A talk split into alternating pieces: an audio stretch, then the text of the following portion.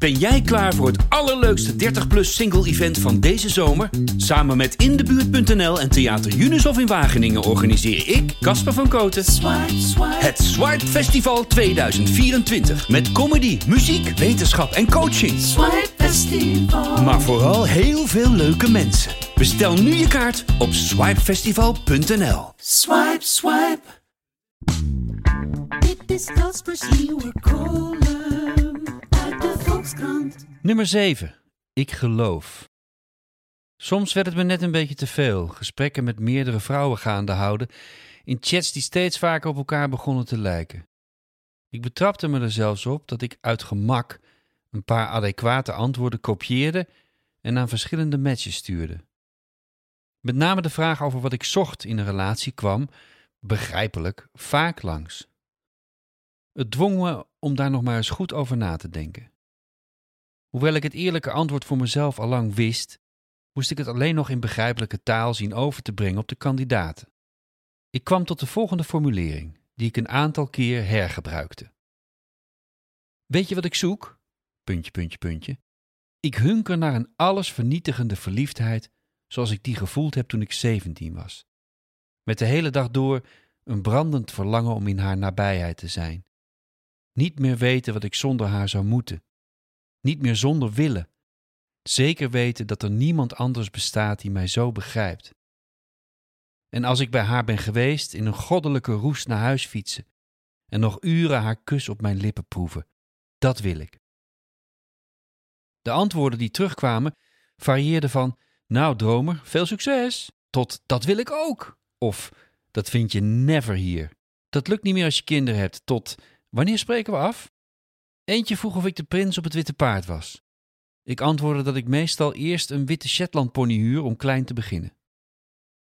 Natuurlijk had mijn gekopieerde antwoord iets enorm puberaals. Maar de onverbloemde waarheid is dat ik een pijloos diep geloof koester in het bestaan van de mogelijkheid om nog zo'n grote verliefdheid te vinden ooit.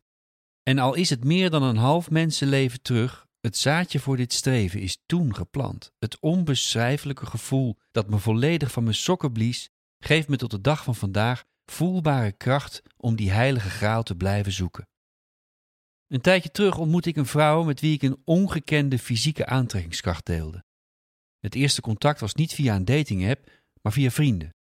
Er waren vonken zoals ik die lang niet ergens af had voelen spatten en een ongeremdheid die ik niet van mezelf kende en die ik ook niet vaak bij anderen zo hard ervaren.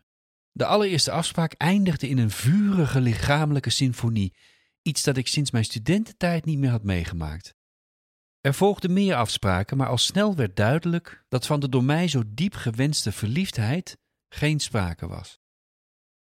Toch was het helemaal nieuw, want nooit eerder had ik ervaren dat ik zo vrij kon vrijen met iemand op wie ik niet verliefd was en geen relatie mee had.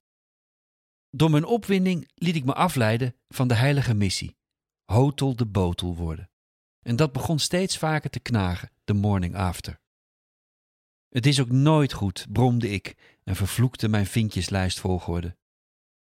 Mijn vrijage, want scharrel, wat een lelijk woord toch, en ik spraken af om er niet over na te denken, maar voorlopig te blijven genieten van onze gezamenlijke ongeremdheid. Wel spraken we exclusiviteit af en dat die meteen zou vervallen wanneer een van ons twee iets zou gaan voelen voor een ander, een ongekende luxe. Soms wenste ik dat ik ware verliefdheid zou gaan voelen voor deze fantastische vrouw, bijzonder grappig, slim, muzikaal en begripvol. Maar het kwam niet. En zij liep tegen hetzelfde aan, zei ze, en ik geloofde haar omdat we alles goud eerlijk bespraken. Na elke vurige ontmoeting groeide het besef dat het moment waarop verliefdheid had moeten ontstaan al ver achter ons lag. Het ene essentiële puzzelstukje bleef ontbreken en werd groter en groter.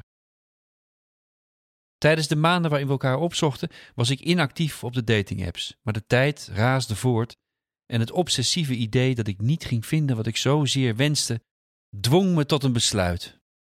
Ik wil mijn hart zo graag nog een kans geven, zei ik tegen haar.